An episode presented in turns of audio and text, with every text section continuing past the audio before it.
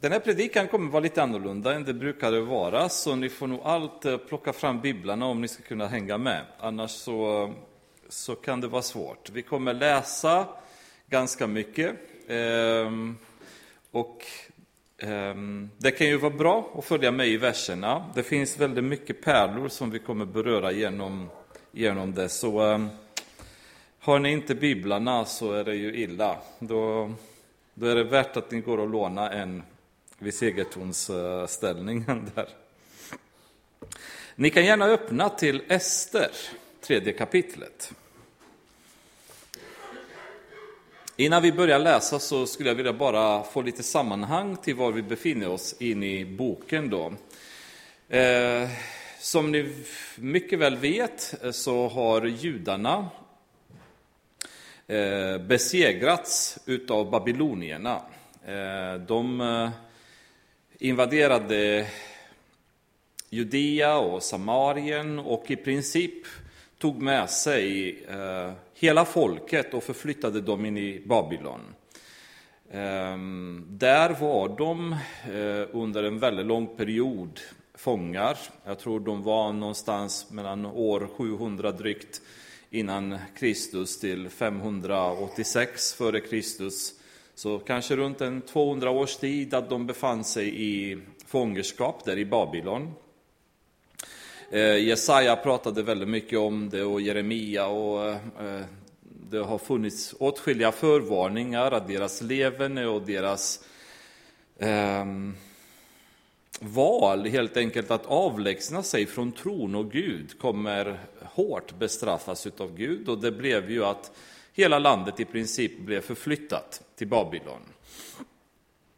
Ehm, men likväl som det alltid är, så Gud ställer alltid fram en lösning och alltid en räddning eh, när ögonblicket kommer fram att människorna ångrar sina synder eller eh, hans timing uppfylls. Då. Och, ehm, ehm, intressant nog då kan det vara bra, det handlar inte riktigt så mycket om just den här texten, men det är bara lite kuriosa som är ju trevligt att veta. Då Jesaja ungefär 700 år före eh, den här tiden då profeterade att det kommer att komma en kung som heter Cyrus och som kommer befria folket från Babylon. Intressant nog då, för de som inte tror att Bibeln är sann, att eh, det finns ingen Gud och vi har ingen möjlighet att veta saker och ting, så skulle jag vilja veta hur en ateist kan förklara att en profet med dokumenterad eh, så att säga, skrift som vi vet idag är daterade 700 år före den händelsen, profeterade namnet på den person som kommer befria judarna från Babylonfångenskapet. Då. Och det är ju en, en hård nöt att knäcka för de som hävdar att vi kristna tror på saker som vi inte begriper oss på, det är sagor och berättelser. Då. Det skulle jag vilja se hur de kan förklara det här. Men hur som haver då så kommer eh, babylonierna besegras av perserna som eh, eh, expanderar imperiet ännu mer än det babyloniska imperiet.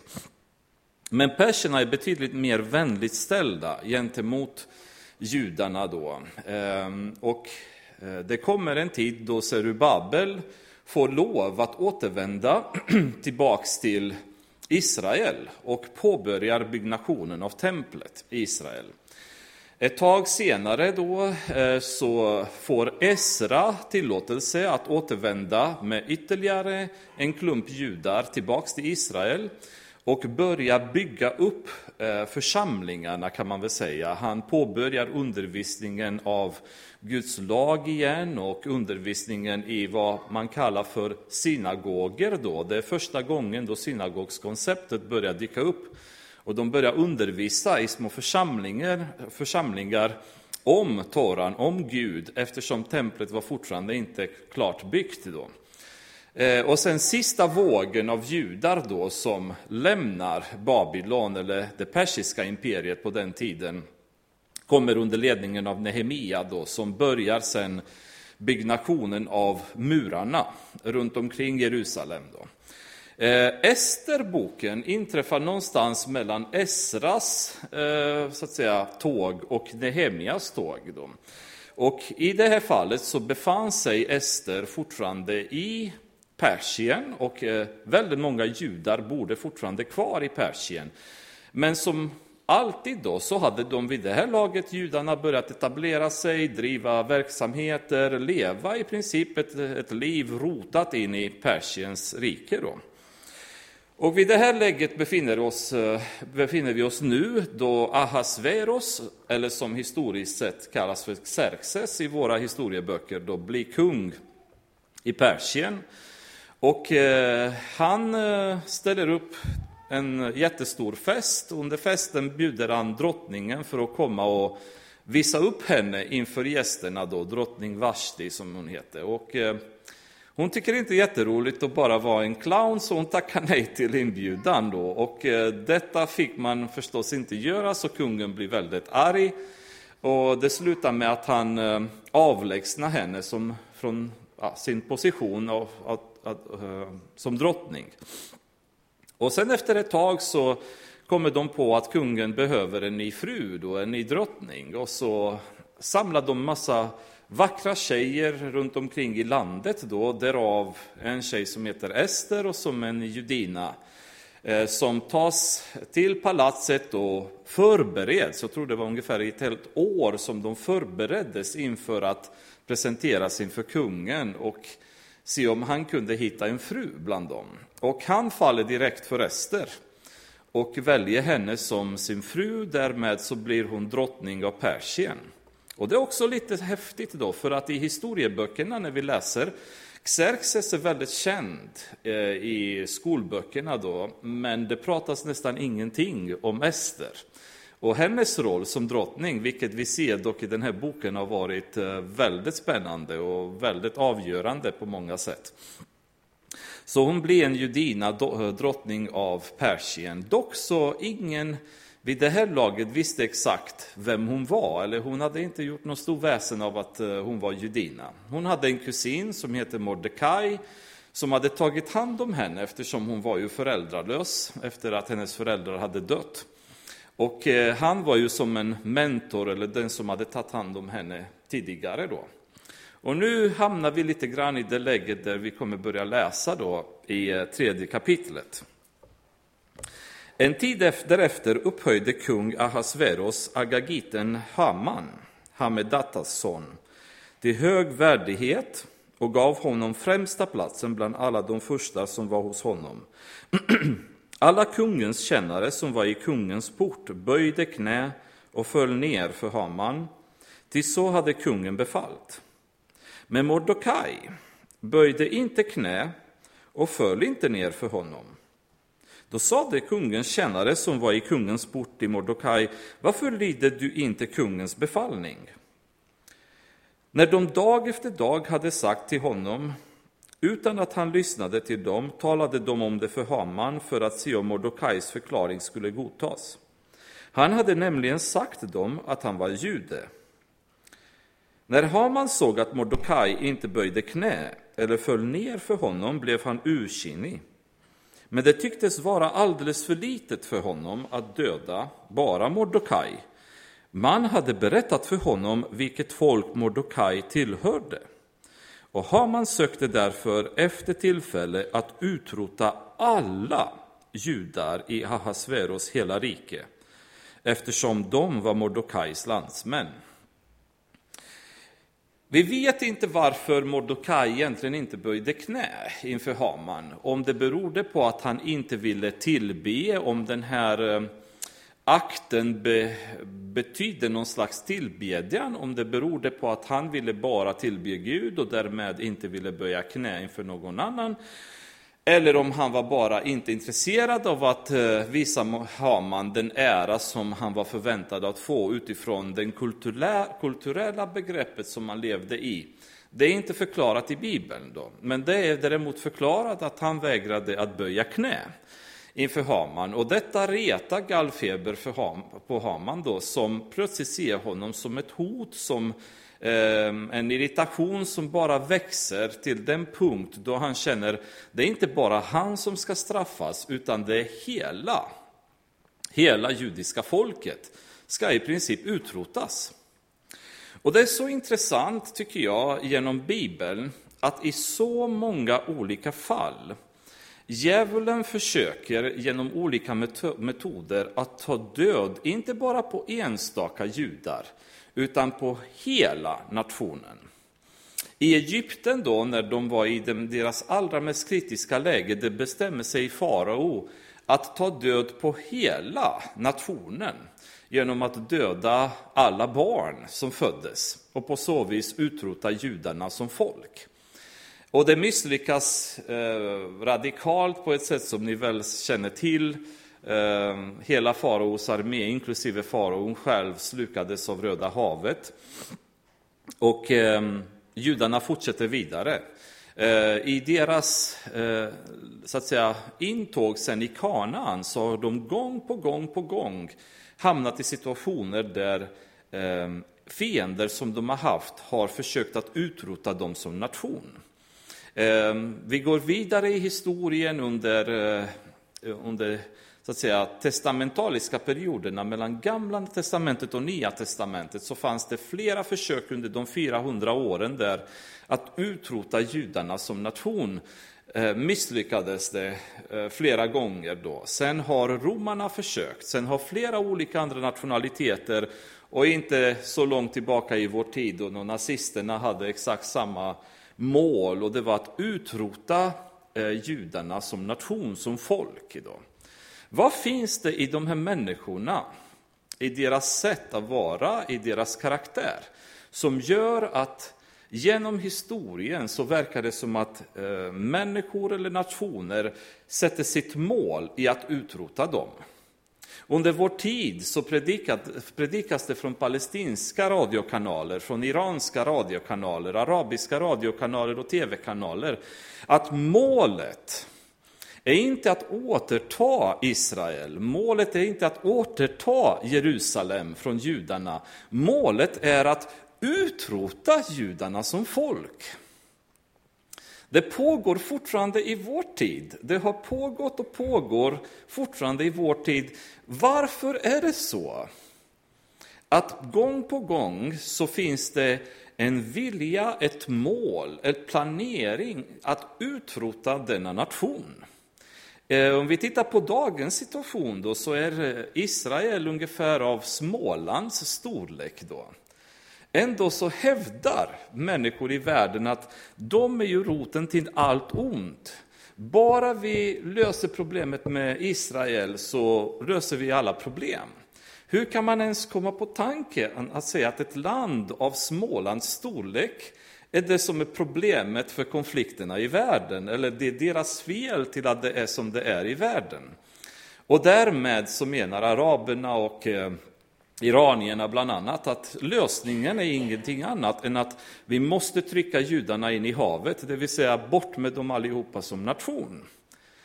Vad är det som gör detta? Jo, det är väldigt enkelt. Judarna har från början ingått i Guds frälsningsplan för världen. Genom att utrota dem som nation så förhindrar man Messias ankomst. Genom att utrota dem som nation så kommer man förhindra Messias återkomst. Och djävulen är fullt medveten om detta och gör sitt bästa och har gjort sitt bästa genom alla år att ständigt utrota judarna.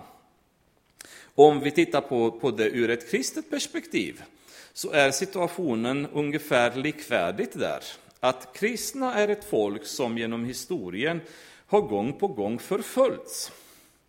Kristna, oftast på arbetsplatser, eh, lever väldigt bra. Eh, de stjäl inte, de bedrar inte, de är oftast arbetsamma, de är skötsamma och så vidare. Ändå är de hatade många gånger utav arbetskamraterna. I skolor till exempel, kristna barn som väljer att leva ett, eh, ett, ett, rättfärdigt liv i skolan är marginaliserade och till och med förföljda av lärare och andra barn. Då. Eh, och det är väldigt märkligt att trots att man försöker att göra gott så blir man ansatt och blir man anfallen och man blir förföljd. Då. Och eh, det är ju intressant att det pågår fortfarande, trots att det har misslyckats så många gånger. Man tycker världen borde ha lärt sig att det inte funkar. Men det pågår gång på gång på gång. Och en anledning till, till detta så ser vi vidare när vi fortsätter i kapitlet. I första månaden, månaden Nissan i Ahasveros tolfte regeringsår, kastades pur, det vill säga lott, inför Haman om varje dag från första månaden till tolfte månaden, månaden Adar. Haman sade till kung Ahasveros, det finns ett folk som bor kring spritt och skingrat bland de andra folken i ditt rikes alla provinser. Deras lagar är olika alla andra folks lagar, och de håller inte konungens lagar. Därför är det inte konungen värdigt att låta dem vara. Om konungen så finner för gott bör därför en skrivelse utfärdas att de skall förgöras. Då skall jag åt tjänstemännen väga upp 10 000 talenter silver att lägga i konungens skattkamrar. Kungen tog då signetringen av sin hand och gav den till Agagiten Haman, Hamedattas son, judarnas fiende. Därefter sade kungen till Haman, må silvret vara ditt, liksom också folket, och du kan göra vad du vill med det. På trettonde dagen i första månaden blev kungens skrivare tillkallade och en skrivelse helt enligt Hamans befallning utfärdades till kungens satrapper och till ståthållarna över varje provins och till furstarna över varje folk, till varje provins med dess egen skrift och till varje folk på dess eget språk. Skrivelsen utfärdades i kung Ahasveros namn och förseglades med kungens sigill. Sedan sändes brev med illbud ut till alla kungens provinser att man skall utrota, döda och förgöra alla judar, unga och gamla, barn och kvinnor. Alla på en enda dag, nämligen den trettonde dagen i tolfte månaden, månaden Adar, och att deras ägodelar skulle tas som byte. En avskrift av skrivelsen skulle kungöras som förordning i varje provins så att alla folk skulle vara beredda den dagen. På kungens befallning drog illbuden snabbt ut så snart förordningen hade utfärdats i Susansborg. Kungen och Haman satte sig ner för att dricka, men i staden Susan rådde bestörtning. Påminner det er någonting om vår moderna tid? Alla ska förgöras, män, kvinnor och barn. Exakt vad nazisterna hade planerat. Ingen, inget hänsyn ska visas någon. Alla som är judar ska dödas. Det känns så vansinnigt i sig så det måste finnas en väldigt djävulsplan bakom det hela. Annars kan man tycka att du dödar männen eller du dödar någon som har skapat problem. Men att du dödar alla, det tyder på att det finns en betydligt mäktigare plan med varför man vill gå tillväga som man gör. Men anledningen, bland annat, som tas fram, som är väldigt intressant att veta, det är den motivering som Haman ger kungen. Det finns ett folk som bor kringspritt och skingrat bland de andra folken i ditt rikes alla provinser. Deras lagar är olika alla, alla andra folks lagar och de håller inte konungens lagar. Därför är det inte konungen värdigt att låta dem vara. Det är anledningen till att vi som kristna idag ständigt är förföljda och har problem. Då. Därför att våra lagar är inte som alla andras lagar. Vårt sätt att leva, det är inte som alla andra sätt att leva. Och jag blir så irriterad eh, och arg när jag ser församlingar som försöker att efterlikna folk i världen för att slippa få problem. Om vi börjar också supa i kyrkan, om vi också börjar med eh, dans och musik, om vi börjar också göra så, då behöver inte vi Eh, en törn i de andras ögon, då kanske tycker de, oss, tycker de om oss lite mer. Då blir vi mer accepterade. Vi behöver inte vara så radikala som vi är. Vi behöver inte hålla fast vid de traditioner vi har på det sättet. Vi behöver inte vifta med Bibeln som många säger hela tiden. Vi behöver inte vifta med Guds ord jämt i våra diskussioner med andra människor, utan om vi tonar ner den profilen lite mer om vi släpper lite mer utav världen i kyrkan, då blir vi inte ett problem. Då ser världen att vi är inga galningar, utan vi är precis som dem. Men vi är inte precis som dem. Vi är inte av denna värld. Vi har inte denna världs lagar och vi förväntas inte av Gud att leva som den här världen lever. Hans krav från oss är att vi lever efter hans lagar. Vi följer hans ord och vi följer hans vilja. Och detta i sig är tillräckligt för att världen ska hata oss. Så om vi tror att vi måste söka acceptans hos världen genom att börja tumma ner på de begrepp och de, den tro vi har, då är vi väldigt, väldigt illa ute. Då kommer vi bara glida ifrån tron i en någon slags eh, Eh, diluerad substans där vi inte ens har en identitet och vi vet inte ens vad vi är och vem vi tror på till slut. Utan vi bör hålla oss fast vid det som Bibeln säger, oavsett vad världen tycker eller tänker om oss. På IVA när jag jobbade på sjukhuset, då hade vi en kristen grupp. Och då samlades vi, var det någon gång i månaden, för att be då, hemma hos någon av oss. Då. Och åt vi lite mat och så hade vi lite bönestund och bad oftast för situationer på jobbet och andra på jobbet då som ja, vi visste hade problem eller några ville, ville, ville be för deras frälsning och så vidare. Detta på något sätt eh, eh, irriterade några av de anställda på IVA som gick till cheferna och krävde att cheferna ska stoppa de här mötena som vi hade. Nu var det, de här mötena var ju på fritiden, så vad vi gör på fritid egentligen har inget med saken att göra. Men det faktum att kristna samlades och i enade former började anfalla det mörker som rådde på avdelningen och vi började be människor till frälsning på avdelningen. Vi började liksom tillkalla Gud att ta över vår avdelning så att saker och ting ska börja fungera på ett rätt sätt. var redan ett hot mot de andra människorna som krävde att vi skulle stoppas. Och eh, irritationen var väldigt hög på, på avdelningen och väldigt många liksom som eh, bara liksom kände att vad samlas de bara och be och sånt där, vad är detta för något? Och bara tanken på att vi samlas och be, det liksom, de var redan skräckslagna inför det.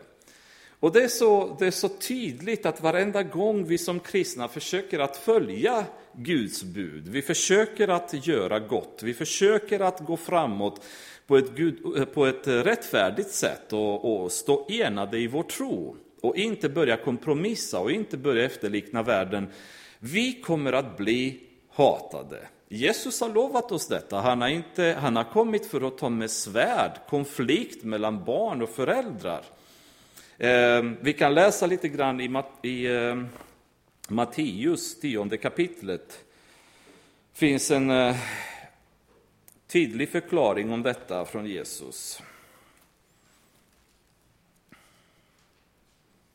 Så blir det ännu, ännu klarare om vad vi ska förvänta oss. Se, jag sänder ut er, från vers 16, jag sänder ut er som, som får mitt ibland vargar. Var därför listiga som ormar och oskyldiga som duvor. Akta er för människorna, de ska utlämna er åt domstolar och i sina synagogor ska de gissla er. Och ni kommer att föras inför landshövdingar och kungar för min skull, för att vittna inför dem och hedningarna. Men när man utlämnar er så bekymra er inte för hur ni ska tala eller vad ni ska säga. Det kommer att ges åt er i den stunden. Det finns inga andra löften från Jesus än att det kommer bli förföljelse. Men när förföljelsen kommer, då måste vi veta att han finns bakom oss. Vi står inte ensamma där, vi står inte övergivna, även om det så må vara känslan. Den känslan var exakt det som judarna hade. När Mordokaj fick veta allt som hade hänt rev han sönder sina kläder och klädde sig i säck och aska. Han gick ut mitt i staden och klagade högt och bittert. Han begav sig till kungens port och stannade framför den.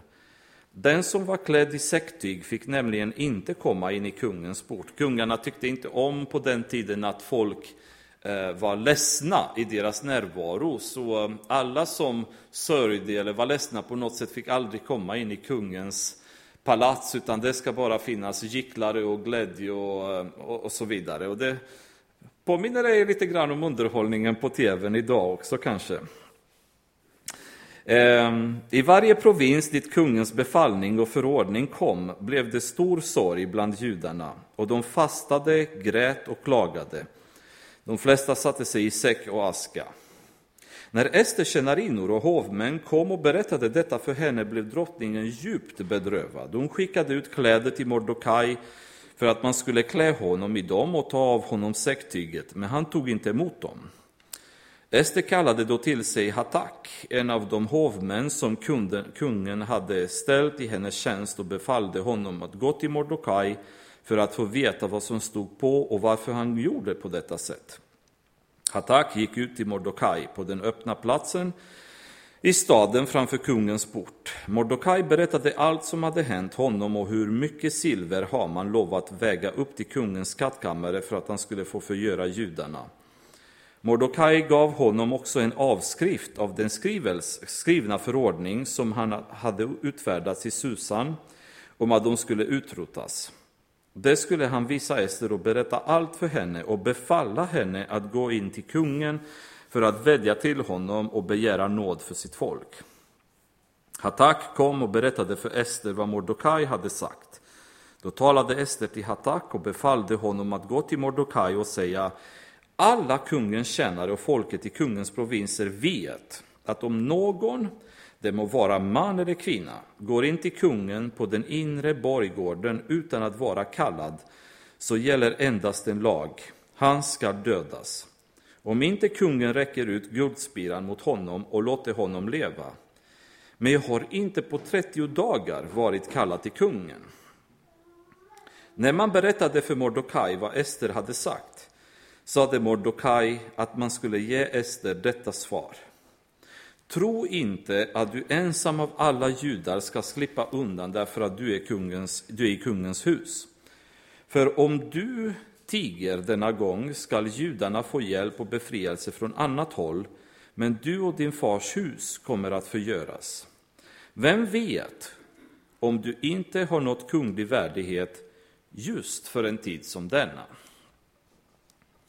Ibland så händer det saker i våra liv som får oss att vara väldigt ledsna, väldigt bedrövade. Det kan vara sjukdomar, det kan vara förföljelse, det kan vara arbetslöshet.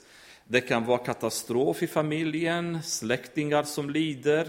Det kan vara eh, förlorade inkomster, förlorat hus etc. Det kan finnas så mycket som får en person att tappa glädjen, att bli bedrövad och bli ledsen.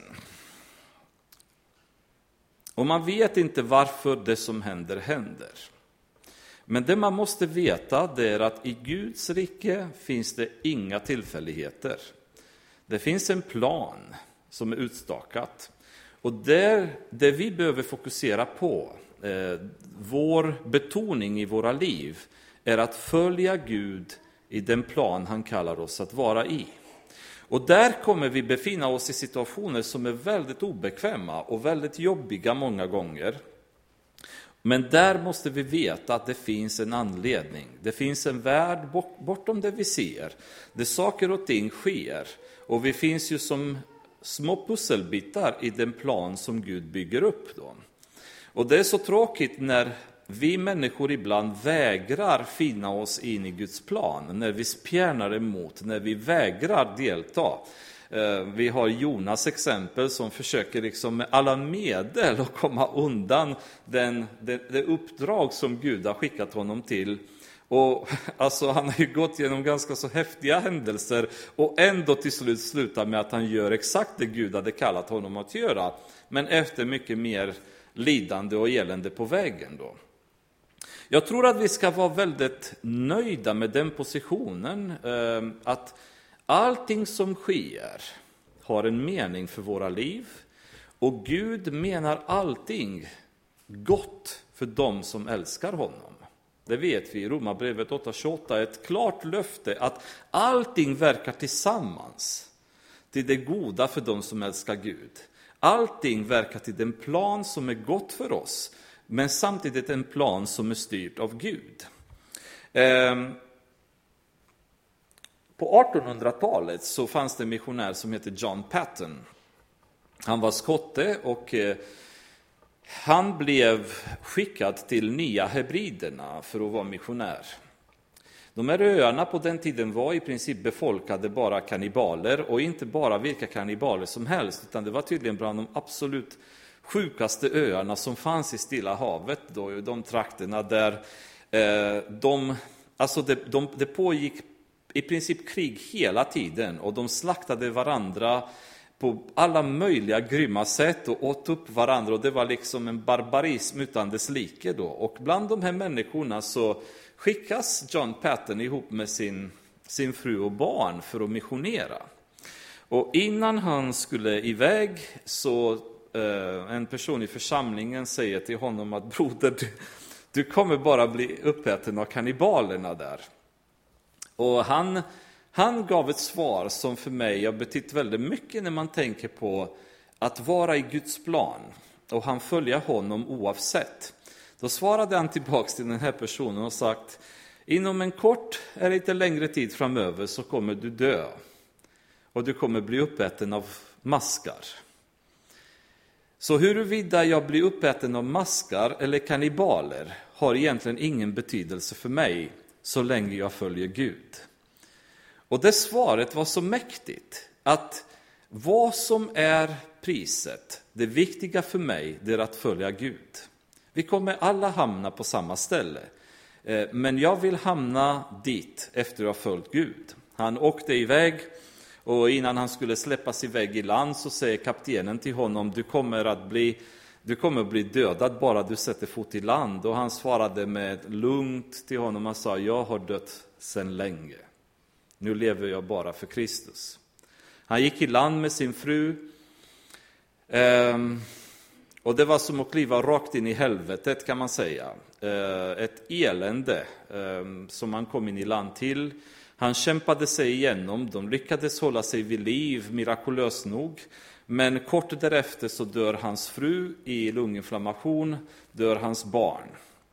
Han är tvungen att sova på deras gravar i tre dagar för att kannibalerna inte ska gräva upp dem och äta upp dem. Då. Ehm, därefter så går han i en, en jättestor kamp med sig själv som han tar sig igenom med hjälp av, av bön och Gud.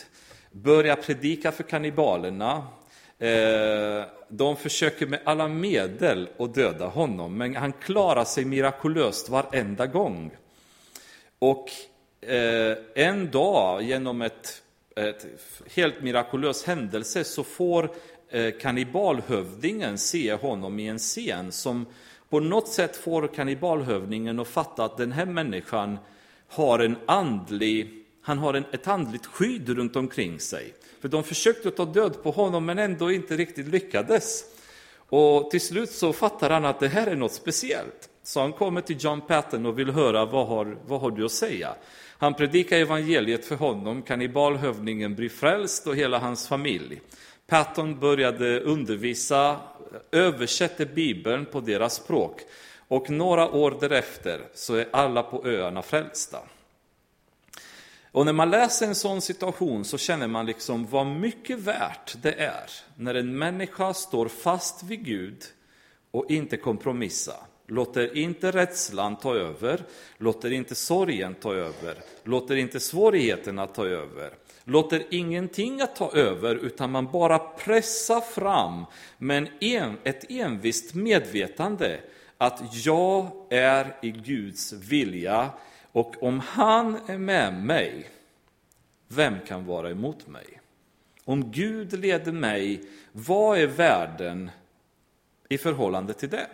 Om hela arbetslaget skriker, om alla cheferna hotar, om hela staden skriker, om politiker och lagmän och alla är emot oss, vad spelar det för roll? Vi får inte avvika från vår kurs i hopp om att vi ska undvika förföljelse, att det ska inte göra så ont, att vi ska bli lite gillade av de andra, utan lösningen är inte att avvika från Gud, utan att stå fast vid honom. Och det är så många som droppar av församlingen, många gånger för ingenting, tänker jag.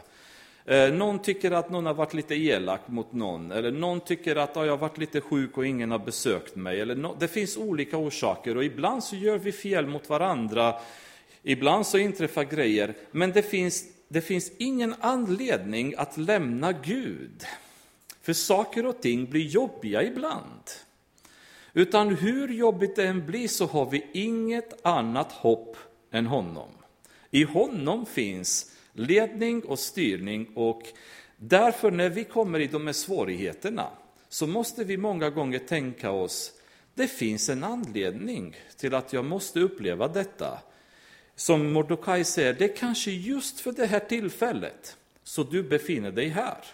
Hon har varit en slav tjej som har liksom tagits in i Persien och blivit drottning. Och Mordokaj säger, kan du tänka dig möjligen att det är därför som du har kommit till den, den här positionen, för att Gud nu ska börja jobba genom dig och rädda folket. Då sände Ester detta svar till Mordokaj. Gå och samla alla judar som finns i Susan och håll fasta för mig. Ni skall inte äta eller dricka något under tre dygn, varken dag eller natt. Jag och mina tjänarinnor ska också fasta på samma sätt. Därefter ska jag gå in till kungen Även om det är mot lagen ska jag gå förlorad, så må jag gå förlorad. Och Mordokaj gick iväg och gjorde allt som Ester hade befallit honom. Resultatet av detta var att Ester går in till kungen, hon berättar för kungen vad som hade hänt. Eh, och eh, till slut så blir det att Haman, som var den som ville döda alla judarna, blir själv dödad utav kungen. Mordokaj eh, reser sig till att bli premiärminister kan man säga i Persien. Och det intressanta är när man tittar på Mordokaj, han är en av de tre judarna som vi känner till i Bibeln, som alla har blivit premiärministrar eller statsministrar om man vill säga så, i olika imperier genom olika tider efter att de testats av Gud först. Josef såldes av sina bröder, kastades i en grop för att dö, såldes vidare till egyptier, hamnade i Egypten, skötte sig exemplariskt, blir väldigt stor i, i det hus som man hamnar i och gör sitt jobb korrekt, men vägrar att, eh, att falla i frestelse så att säga och, och, och vara otrogen med husbondens fru, blir kastad i fängelset igen, eh, lider där ett antal år, men därefter, på grund av att han stod fast vid Gud i alla situationer, kommer därifrån och blir efter farao Egyptens mäktigaste man. Daniel, lika situation, hamnar som slav i Babylon. Han vägrar att böja knä inför en staty, liksom Mordokaj vägrar böja sig inför Haman. Han står fast vid sin tro, han ber trots att han inte fick be, det blev förbud, han går ändå till sitt hus, vänder sig mot Jerusalem och ber precis som han alltid gjort, står det. Och det var inte tillräckligt bra, ansåg man, så man bestämmer sig att ta död på honom. Kastar honom i lejongropen, berättelse känner ni mycket väl till. Efter det så säger Nebukadnessar, det här är något fantastiskt. Han blir premiärminister i Babylon. Och här har vi ytterligare ett exempel av en man som återigen hamnar i en hög, stor prövning. I den prövningen vägrar han ge efter, han står fast vid sin tro, han står fast vid sina begrepp. Och resultatet av det är att Gud reser honom till att bli premiärminister i världens största imperium på den tiden, persiska imperiet. Är det lönt? Är det lönt verkligen för oss att ge upp Gud när svårigheterna kommer? Tror vi i vår eh, naivitet eller dumhet att genom att kompromissa, genom att lämna Gud, genom att lämna Bibeln, genom att lämna församlingen, genom att börja leva som alla andra gör i världen, är vi så naiva att tro att det kommer bli lösningen till våra problem? Eller har inte vi tydliga bevis gång på gång i Bibeln som visar att om man står fast, när livet är mörkt, när man vandrar genom dödsskuggans dal och man ser inget hopp, när man ser ingen lösning, när man ser ingen hälsa i den sjukdom man upplever, när man ser ingen glädje i den depression man drar sig med, när man ser ingen ekonomisk lösning i, i den krisartade ekonomiska situationen som man kanske befinner sig i. När man ser inget hopp någonstans, tror man att det är värt att lämna Gud? Eller Bibeln säger precis annat. Stå fast, bit ihop, lita på Herren och du kommer ut därifrån segrande. Alla kommer inte bli premiärministrar kanske, men Gud kommer belöna alla som står fast vid honom. Han kommer inte lämna någon och bara bli utslängd, bli uh, utkastad någonstans. Det finns åtskilliga situationer när man läser genom kristenhetens historia, människor i Kina, i Östeuropa, i eh, afrikanska länder och så vidare som har stått fast vid Gud. De har fått uthärda enorm förföljelse, men gett inte upp. De har förlitat sig på att det finns ett hopp. De har förlitat sig på att mina insatser kommer ge, generera något gott. Det tragiska dock för många av dem är att en del har inte ens fått se några insatser som har genererat något gott. David Brainerd, det var en kille på 29 år som bestämde sig att vara missionär bland indianerna i Nordamerika. Han missionerade Eh, i ett antal år och levde i misär bland dem. Han åt, när man läser hans dagbok, så åt han i princip ingenting, alltså bark och gröt och levde i ett tält och var förföljd och var anfallen och så vidare. Och så vitt man vet under hela hans missionära liv har han inte kunnat frälsa en enda människa. Han har inte kunnat leda någon till tro. Och han har kämpat och kämpat och kämpat för han var fast besluten att det var rätt plats som Gud hade skickat honom till och såg ingenting av det. Men i den sorgen och i den, det elände som han har levt igenom så har han skrivit några fantastiska sånger. Eh, och hans skrivelser är så otroligt starka, så många av missionärerna som startade därefter har varit inspirerade väldigt starkt utav hans sånger, utav hans berättelser. Och de vittnar om den, den styrka som det har gett i deras liv. Dessa missionärer i sin tur, som William Carey, Samuel Manson och så vidare, har sedan vidare gått till eh, Indien, Nya Zeeland och så vidare och startat otroliga väckelser.